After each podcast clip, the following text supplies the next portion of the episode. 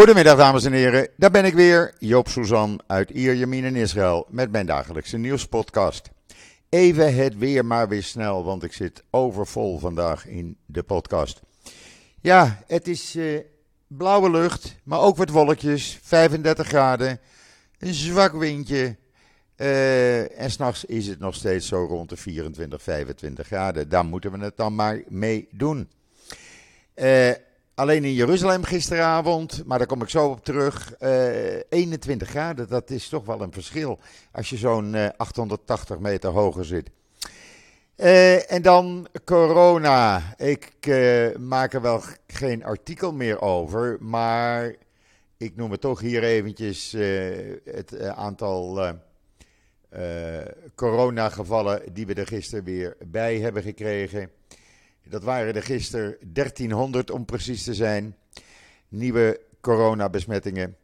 Uh, er zijn in totaal 14.470 mensen met het virus onder de leden. 161 zijn ernstig ziek en liggen in het ziekenhuis, waarvan 65 kritiek, 54 van hen aangesloten aan beademing. Het aantal doden is opgelopen naar 11.581. Ja, en dan uh, gisteren, een heleboel mensen vroegen mij van Joop, uh, kan je daar in de podcast iets over zeggen? Hoe dat was, die herdenking van Emmanuel Moreno, held van Israël. Ja, het was uh, zoals altijd elk jaar weer indrukwekkend. Voor het eerst na twee jaar kon het weer gehouden worden in, met een groot aantal mensen. Er waren zo'n 450, 500 mensen, schatte ik. Dat waren natuurlijk zo goed als alle familieleden, uh, kinderen, kleinkinderen, achterkleinkinderen van mijn zwager. Uh, militairen die bij hem in die unit hebben gezeten in de Shayarat Matkal. Politici, zijn buurtvrienden, zijn schoolvrienden. Nou ja, ook gewoon belangstellende en hoge legerofficieren. En zoals altijd weer indrukwekkend en emotioneel. Bijvoorbeeld de twee zoons uh, van Emmanuel, die inmiddels in de twintig zijn, die beide het Kaddish, het dode gebed, voor hun vader zeiden. En dan een schoolvriend die herinneringen ophaalt, ook na 16 jaar nog. Uh, vrienden van zijn unit die indrukwekkende toespraken hielden. En dan uh, Yochai Moreno, een kleinzoon van mijn zwager, die een, uh, ja, een ontluikend artiest hier is in Israël. Hij is al op televisie geweest een aantal keren. En uh, heeft een leuke stem. En die zong het lied voor Emmanuel. Ik heb het uh, in het artikel staan trouwens, als u terug wil horen. En ja, na ongeveer ruim een uur werd de bijeenkomst besloten met het zingen van het Hatikwa. is natuurlijk heel bijzonder, vooral op zo'n begraafplaats als Mount Herzl is. Uh, begeleid door Yochai uh, Moreno. En daarna een aantal uh, ja, nationale liederen, die volksliederen, laat ik het zo maar noemen. Die Emmanuel graag zong. En die zongen we dus alle honderden in grote getalen mee. Dat is toch wel bijzonder. Daarna was er nog een, het avondgebed werd gedaan. En ik moet zeggen, het is niet voor het eerst dat ik dat meemaak. Maar als je dan op Mount Herzl staat, uitkijkend over de stad Jeruzalem, dan is dat toch wel bijzonder om op die manier het avondgebed uh, te doen. En toen was het inmiddels uh, na zevenen.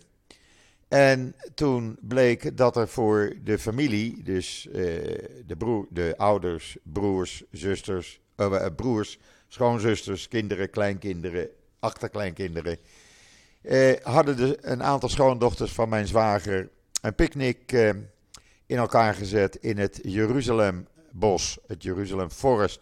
Mensen die bekend zijn in Jeruzalem, het ligt uh, ja, naast Yad Vashem. Dan uh, weet u een beetje de richting. En wat hadden ze nou gedaan?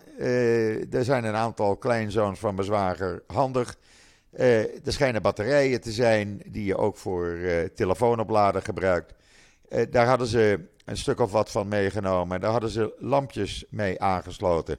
We hadden dus verlichting en een, uh, ze hadden een soort uh, ja, tent uh, boven een picknicktafel gezet. En daar stond frisdranken, sandwiches, nou noem maar op. En zijn we tot een uur of half tien wezen picknicken met de hele familie. Dat is toch wel bijzonder. En geen agent die naar je toe komt om je te vragen: en wat zijn wij hier nou wel aan het doen in het donker, in het bos? Wel nee, gewoon vrijheid, blijheid. En dat is toch wel bijzonder als je met de hele familie bij elkaar bent. En je kan napraten en je kan zingen. Er werd vrij eh, veel gezongen, vooral de jeugd, omdat eh, Yochai Moreno natuurlijk zijn gitaar meenam. En uh, ja, die zette de toon.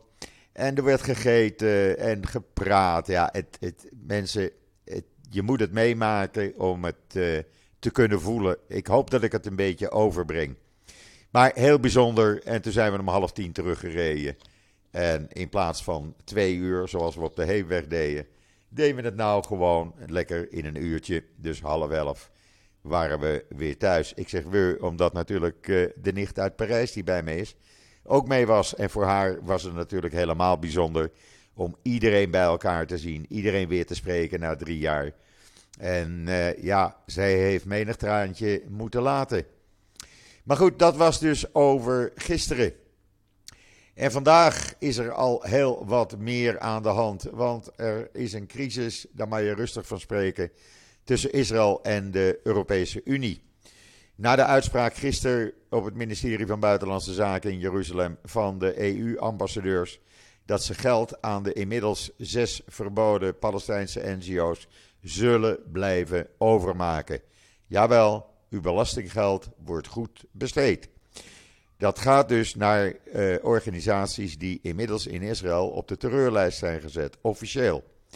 Uh, ik zal ze nog even noemen: Bisan Research en Advo uh, Advocatiecenter, Unie van Palestijnse Vrouwencomité's, Al-Haq, Defense for Children International in Palestine, Unie van Agricultureel Werkcomité, Adameer.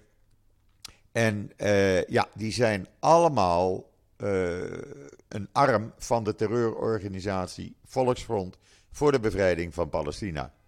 Heb je die niet geloofd? Nou ja, die uh, moet dan maar met het ministerie van Buitenlandse Zaken contact opnemen. De, de 17 EU-ambassadeurs onder leiding van de EU-ambassadeur in Israël, uh, Dimitri Tshangev, die hebben het duidelijk gemaakt: wij blijven geld betalen. Wij trekken ons niets aan van het feit dat er bewijs is dat uh, meneer Samir Arbit, uh, leider van de inmiddels verboden uh, betrokken was bij de moord op 23 augustus 2019. Vandaag, drie jaar, vier jaar geleden, drie jaar geleden, van de 17-jarige Rina Snerp. Uh, daar trekken we ons niets van aan. Het belastinggeld van de Europese burger, waaronder de Nederlandse burger, blijft aan terreurorganisaties worden overgemaakt.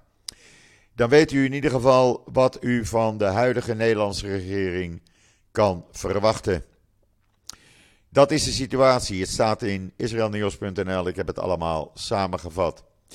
Ja, en eigenlijk het allerbelangrijkste nieuws in Israël, daar heb ik ook een artikel over gemaakt op Israël Nieuws, is het feit dat de Israëlische modellenagent Shai Avital nog minstens twee weken in Nederland in de cel blijft. Uh, u weet, hij is afgelopen donderdag opgepakt in Amsterdam, in de Korte Leidse Dwarsstraat, uh, toen hij uit een restaurant kwam. Hij is al een jaar min of meer op de vlucht. Hij zegt zelf van niet, maar hij is een jaar Israël niet in geweest. Want hij wordt beschuldigd van 26 uh, verschillende klachten van seksuele intimidatie, waaronder verkrachting. Bij toekomstige modellen, als ze iets wilden, dan moesten ze ook iets voor hem doen. En uh, ja, gisteren uh, is hij dan voorgekomen. Israël kan, uh, de openbare aanklager hier, kan nu officieel de uitleveringsprocedure starten. Hij probeert het tegen te gaan. Hij verzet zich er hevig tegen, dus het kan nog wel even gaan duren. Zijn advocaten waren niet welkom in de rechtbank. Dat vonden ze maar onbeschoft. Uh, hij zit in een, uh, ja, dat is ook het belangrijkste nieuws, dat hij wel in een hele moderne gevangenis zit. Die kennen we namelijk hier niet. Zoals in Zaanstad, daar zit hij. En daar hebben sommige gevangenen, er zitten er zo'n duizend, weten ze te melden hier. Uh, sommige gevangenen hebben gewoon de code van de celdeur. En die kunnen gewoon in en uit hun cel lopen. Gewoon lekker rondhuppelen. Nou, daar kijkt men hiervan op. Dat heeft men eh, nog nooit meegemaakt. Maar dat is echt het openingsnieuws van de tv-journaals. Ook vanmorgen weer. En natuurlijk belangrijk nieuws in alle Hebreeuwse en Engelstalige Israëlische kranten. Ja, eh, het is maar wat je belangrijk vindt, maar zo werkt dat hier. En dan uh, een Israëlisch-Zweeds-Poolse start-up. Die haalt waterstof uit lokaal niet recyclebaar afval. Uh, dat is een Israëlisch bedrijf die daar het voortouw aan heeft genomen, Bosson Energy. Uh, en ja, die doen dat toch maar. Die, dat afval wat niet vernietigd kan worden, dat uh, met chemie uh, maken ze daar uh, waterstof van en dat kan dus weer herbruikt worden. nou, dat is toch geweldig. Ik zou zeggen, lees het even op israelnieuws.nl. Dan ben je weer helemaal op de hoogte. Ja, en gisteren opzienbaar het nieuws. En ik ben het helemaal met hem eens. En velen van jullie ook, heb ik gemerkt nadat het artikel online kwam. Minister van Defensie Benny Gans, hij was zo duidelijk als iemand maar duidelijk kan zijn. Jeruzalem is de hoofdstad van Israël zoals het altijd is geweest en altijd zal zijn, zei hij op de radio 103 FM. Uh, hij zegt, we kunnen best uh, de dorpen die uh, rond Jeruzalem liggen, die Palestijnse dorpen. Nou, wat mij betreft mag uh, een toekomstige Palestijnse staat daar in die dorpjes samengevoegd hun hoofdstad hebben. Maar uh, ja, Jeruzalem is Jeruzalem en blijft Jeruzalem en blijft Joods. Dan weten we dat. En dan voor het eerst in Israël. En u kunt het live vanuit uw luie stoel gaan zien. De kraanvogels, alle bijzondere vogels, de duizenden vogels die een aantal keren per jaar landen op het tussenstop van Europa naar Afrika en Afrika naar Europa bij de Hula-vallei, bij het Hula-meer. KKL JNF is een uniek project gestart. En dan kan je gewoon met uh, webcams meekijken naar al die bijzondere vogels. En de Hula-vallei is daar heel uh, beroemd om. Uh, men zegt het gaat om uh, honderden miljoenen vogels die een tussenlanding maken. ja, het zal best, want het is altijd boordevol. Kijk de websites, ik heb ze in het artikel staan. Klik ze aan en ga lekker kijken naar de Gula-vallei. Dan heb je het idee dat je even in Israël bent, even bij ons bent. En dan een nieuwe website. Een natuurlijk Israëlische website. Die koppelt werkloze techneuten aan openstaande vacatures. Dat is een uh, Israëlisch uh, ondernemer die in Amerika woont. Angaloor Ventures. En die heeft de website Layoffs for Your Information gemaakt. Die bedrijven vermeldt die werknemers hebben ontslagen. Nou, die werknemers kan je dan inhuren. Uh, heel bijzonder hoe dat werkt. En ze hebben echt succes. Hoe mooi is dat, mensen? En dan afgelopen nacht, ja hoor, het gaat gewoon door. Er zijn weer 18 terreurverdachten opgepakt en wapens in beslag genomen. 18 potentiële terroristen van de straat. En uh, ja, men is natuurlijk, want er schijnt geen gebrek aan te zijn, bekogeld de soldaten met molotovcocktails. Uh, stenen zijn er gegooid. Maar goed, ze staan hun mannetje, ze staan hun vrouwtje. En er is hun niets overkomen, gelukkig. En dan, uh, ja, het is eigenlijk geen nieuws. Want elk jaar komt het wel een paar keer naar voren. Israëlische tieners op school zijn niet uitgerust bij, door de scholen om de uitdagingen van de moderne samenleving aan te gaan. 70% van de Israëlische uh, leraren is van mening, van de middelbare school, is van mening dat hun studenten na hun afstuderen niet genoeg zijn voorbereid op bijvoorbeeld toetreding tot de IDF. Je kunt het hele onderzoek lezen in de Jeruzalem Post van vanmorgen. En dan, uh, uh, ja, gisteren natuurlijk. De Bank van Israël heeft maar eventjes met maar liefst 0,75% de rente verhoogd. Die is in drie maanden tijd van bijna niks naar 2% gegaan. dat is veel. Maar dat doen ze om die inflatie in toom te houden en te verminderen. Inflatie staat nu op 5,2 procent. Nou, in Nederland is dat ruim over de 11 procent. En hier vindt men 5,2 procent al te hoog. En ja, dat pakt men goed aan. En analisten verwachten dat de volgende uh, verhoging over een maand uh, een half procent zal zijn. Daar gaat men vanuit, mocht de inflatie niet genoeg gedaald zijn. De economie hier die draait als een tierenlier. Het is natuurlijk voor exporteurs niet fijn. Want een dollar is nog maar 3,27 euro waard, de gemiddelde koers. En een euro, schrik niet, die is voor het eerst minder waard als een dollar. Een euro is hier nog maar waard 3 euro 5, uh, 3 shekel 25 voor 1 euro. Dat betekent als je nu met je euro's naar de bank gaat, dan zegt de bank: Dank u beleefd, u krijgt 3 euro 21 van mij. Daar moet je het dan mee doen. Ja, uh, dat is een probleem voor veel Nederlanders, waaronder Joop natuurlijk.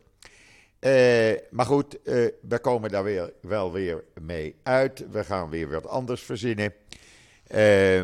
Want er moet toch eten op tafel komen, laat ik het maar zo zeggen. En ik moet toch af en toe de kleinkinderen een cadeautje geven voor hun verjaardag.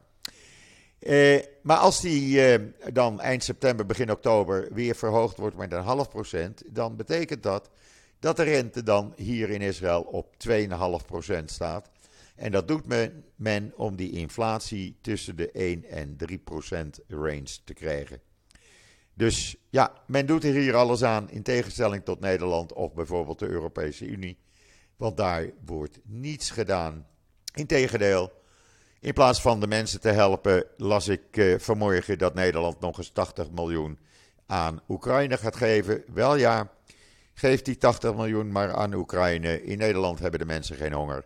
Maakt allemaal niets uit, er hoeft geen geld in Nederland besteed te worden.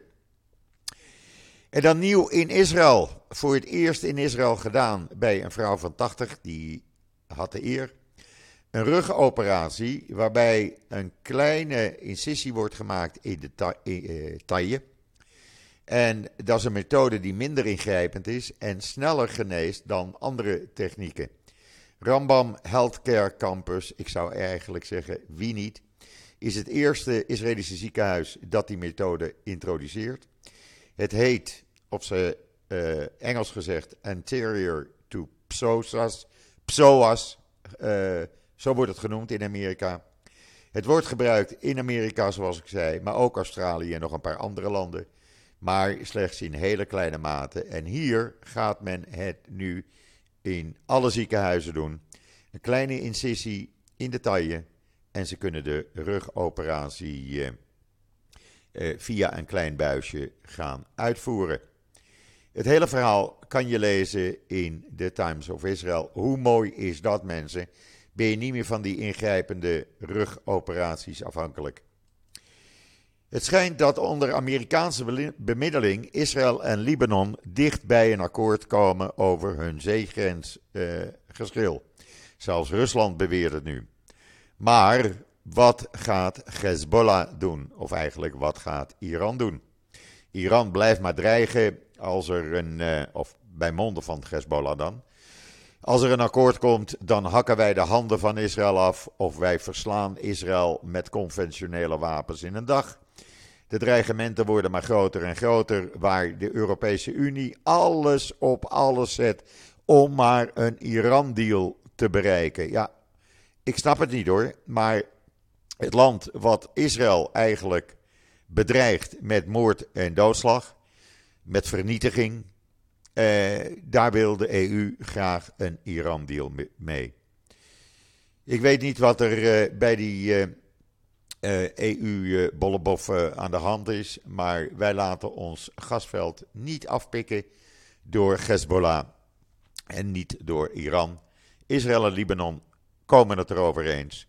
Wij bereiken die overeenkomst en dan moet Hezbollah maar iets anders gaan verzinnen. En dan las ik vanmorgen hier in de Israëlische kranten dat er meer dan 300 geclassificeerde documenten uit Trumps buitenverblijf Mar-a-Lago zijn gehaald. Dan zou de FBI toch gelijk hebben gehad. Elf sets hebben ze eruit gehaald en dat mag je niet. Je mag niet als ex-president geclassificeerde documenten meenemen. Hij schijnt het gedaan te hebben. Nou, we zullen zien wat daar weer van komt. Ja, en dan gisteren in Jeruzalem om twee uur begon die begrafenis van Rabbi Rabijn Shalom Cohen. Een van de leidende rabbijnen, waarbij honderdduizenden mensen op de been waren. Hoofdzakelijk mannen, want het is ultra-orthodox. Die hem de laatste eer bewezen. Eh, heel bijzonder. En ja, dat is toch altijd weer iets waarvan je zegt. Uh, het is een soort massahysterie die dan plaatsvindt. En ja, het is wel bijzonder om te zien, moet ik zeggen. Ik heb er gisteren, uh, toen ik Jeruzalem inreed, verder geen last van gehad. Het was een iets ander gedeelte van Jeruzalem. Dus gelukkig viel dat mee. En dan heeft de Shin Bet, de Israëlische Binnenlandse Veiligheidsdienst, de Palestijnse autoriteiten gewaarschuwd zich niet te bemoeien met de Israëlische verkiezingen op 1 november en niet te bemoeien met de verkiezingscampagne. Het is een ernstige waarschuwing uh, geweest en die, uh, ja, daar moeten ze het dan maar mee doen.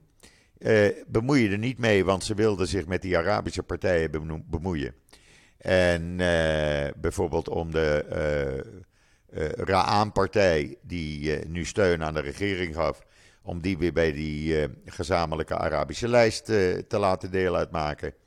Shin Bet zegt: bemoei je met je eigen zaken en niet met ons.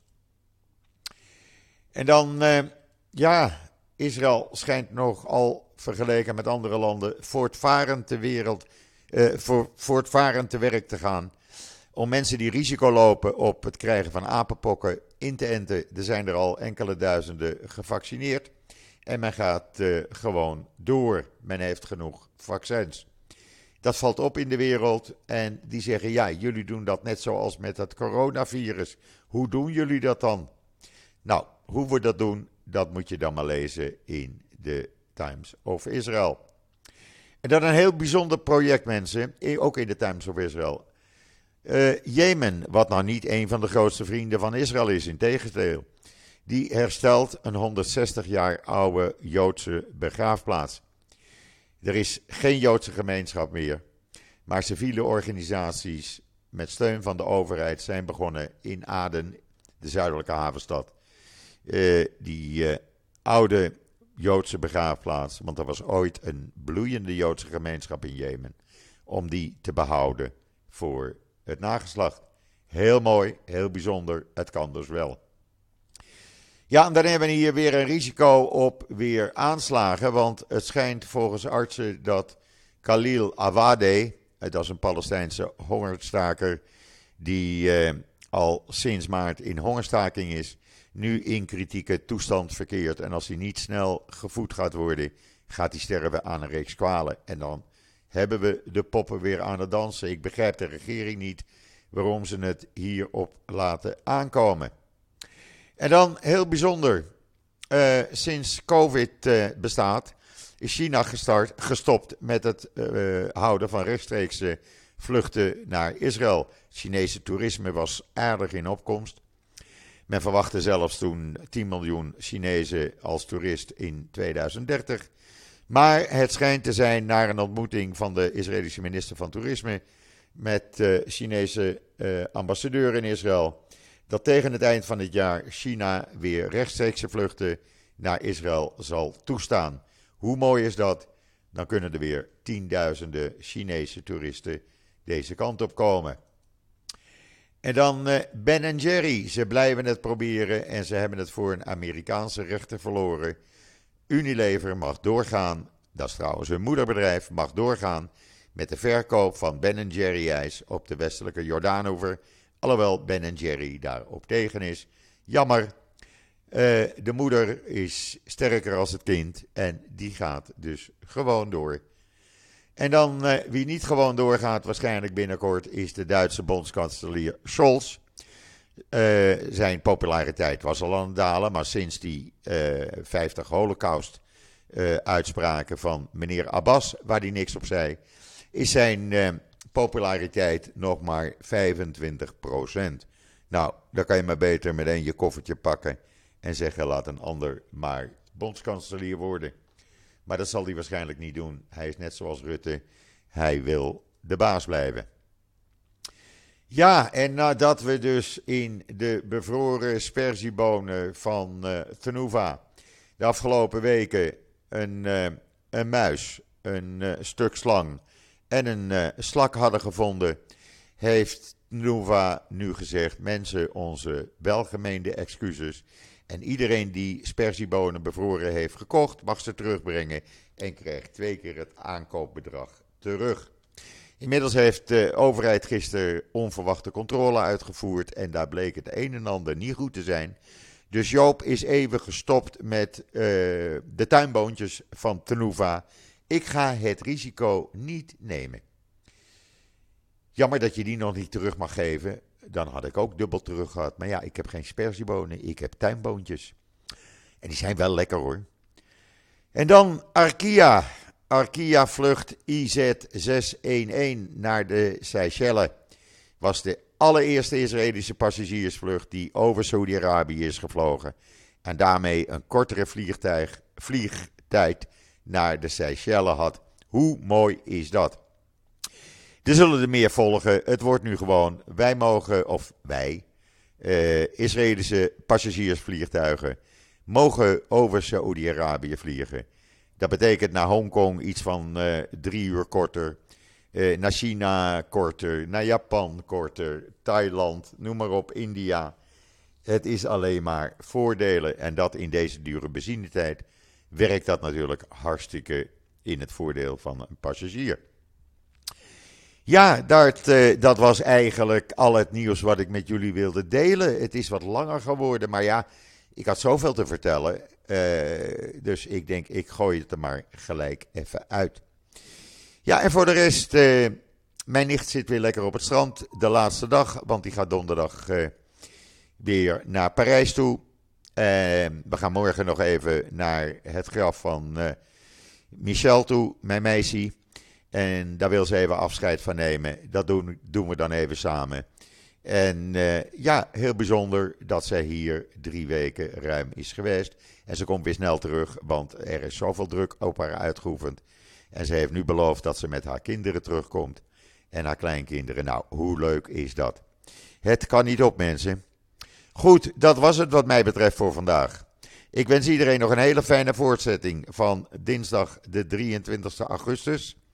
Ik ben er morgen weer en zeg zoals altijd: tot ziens, tot morgen.